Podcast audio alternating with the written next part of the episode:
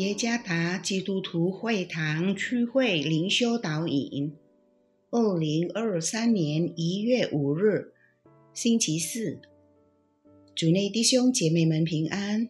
今天的灵修导引，我们要借着圣经立位记二十章第八节以及二十二到二十六节来思想今天的主题：你们是圣洁的国度。作者蔡国闪传道，立位记二十章第八节：你们要谨守遵行我的律例，我是叫你们成圣的耶和华。立位记二十章二十二到二十六节：所以你们要谨守遵行我一切的律例典章，免得。我领你们去住的那地，把你们吐出。我在你们面前所逐出的国民，你们不可随从他们的风俗，因为他们行了这一切的事，所以我厌恶他们。但我对你们说过，你们要承受他们的地，就是我要赐给你们为业，流奶与蜜之地。我是耶和华你们的神，使你们与万民有分别的。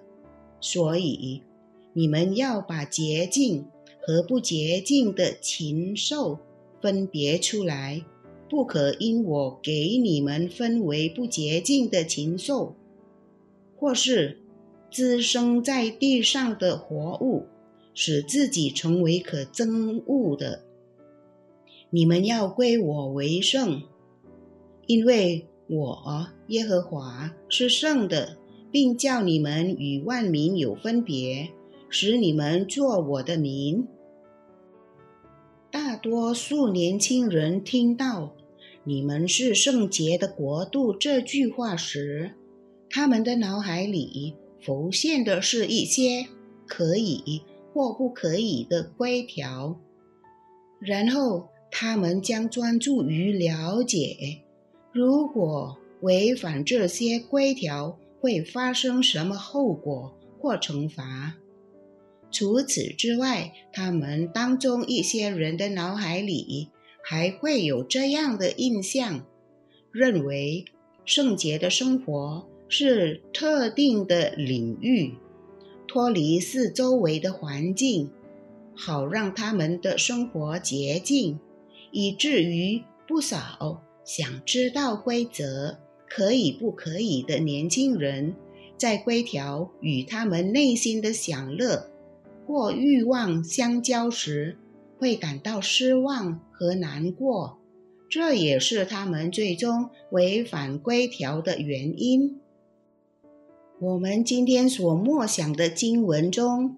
上帝希望进入迦南应许之地的以色列人成为圣洁的民族。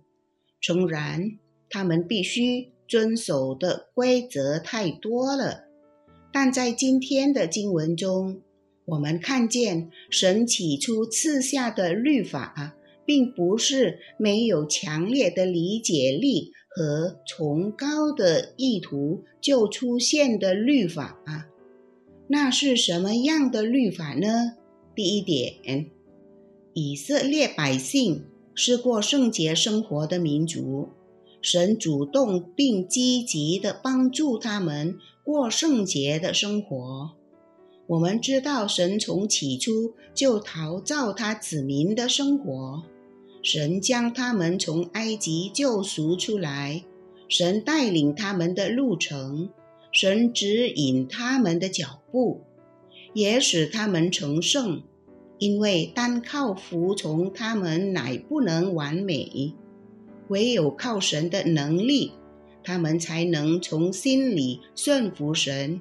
第二点，服从是立约之民不可缺少的部分，他们的不服从是试图否认自己的身份。因此，当他们不遵守上帝的命令时，他们就会被逐出应许之地而失去身份。如果他们尽力服从，将带给他们神立下的约的祝福。因此，立约之民可以因着他们的身份享受喜乐和祝福。第三点，每个规条都以不洁净为要点，比如说不洁净的食物。这不只是一个规条，但规条里包含了很深的含义，就是当他们遵守规条时，说明他们拒绝不认识神的民族的生活方式、他们的思维、他们的信仰。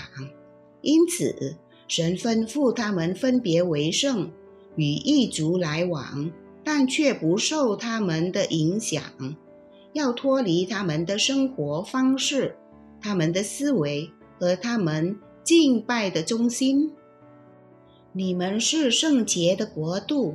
这句话不是引起恐惧、害怕或试图约束人，乃是神从起初就工作，并且持续工作，好让我们能过圣洁的生活。使我们能过圣洁生活的是神自己，神使我们成圣，神定下律法，好使我们能享受他一切的恩典。神设立律法，为保护他的选民免于堕落、生活败坏、陷入跪拜偶像的罪恶坑里。神以智慧行事。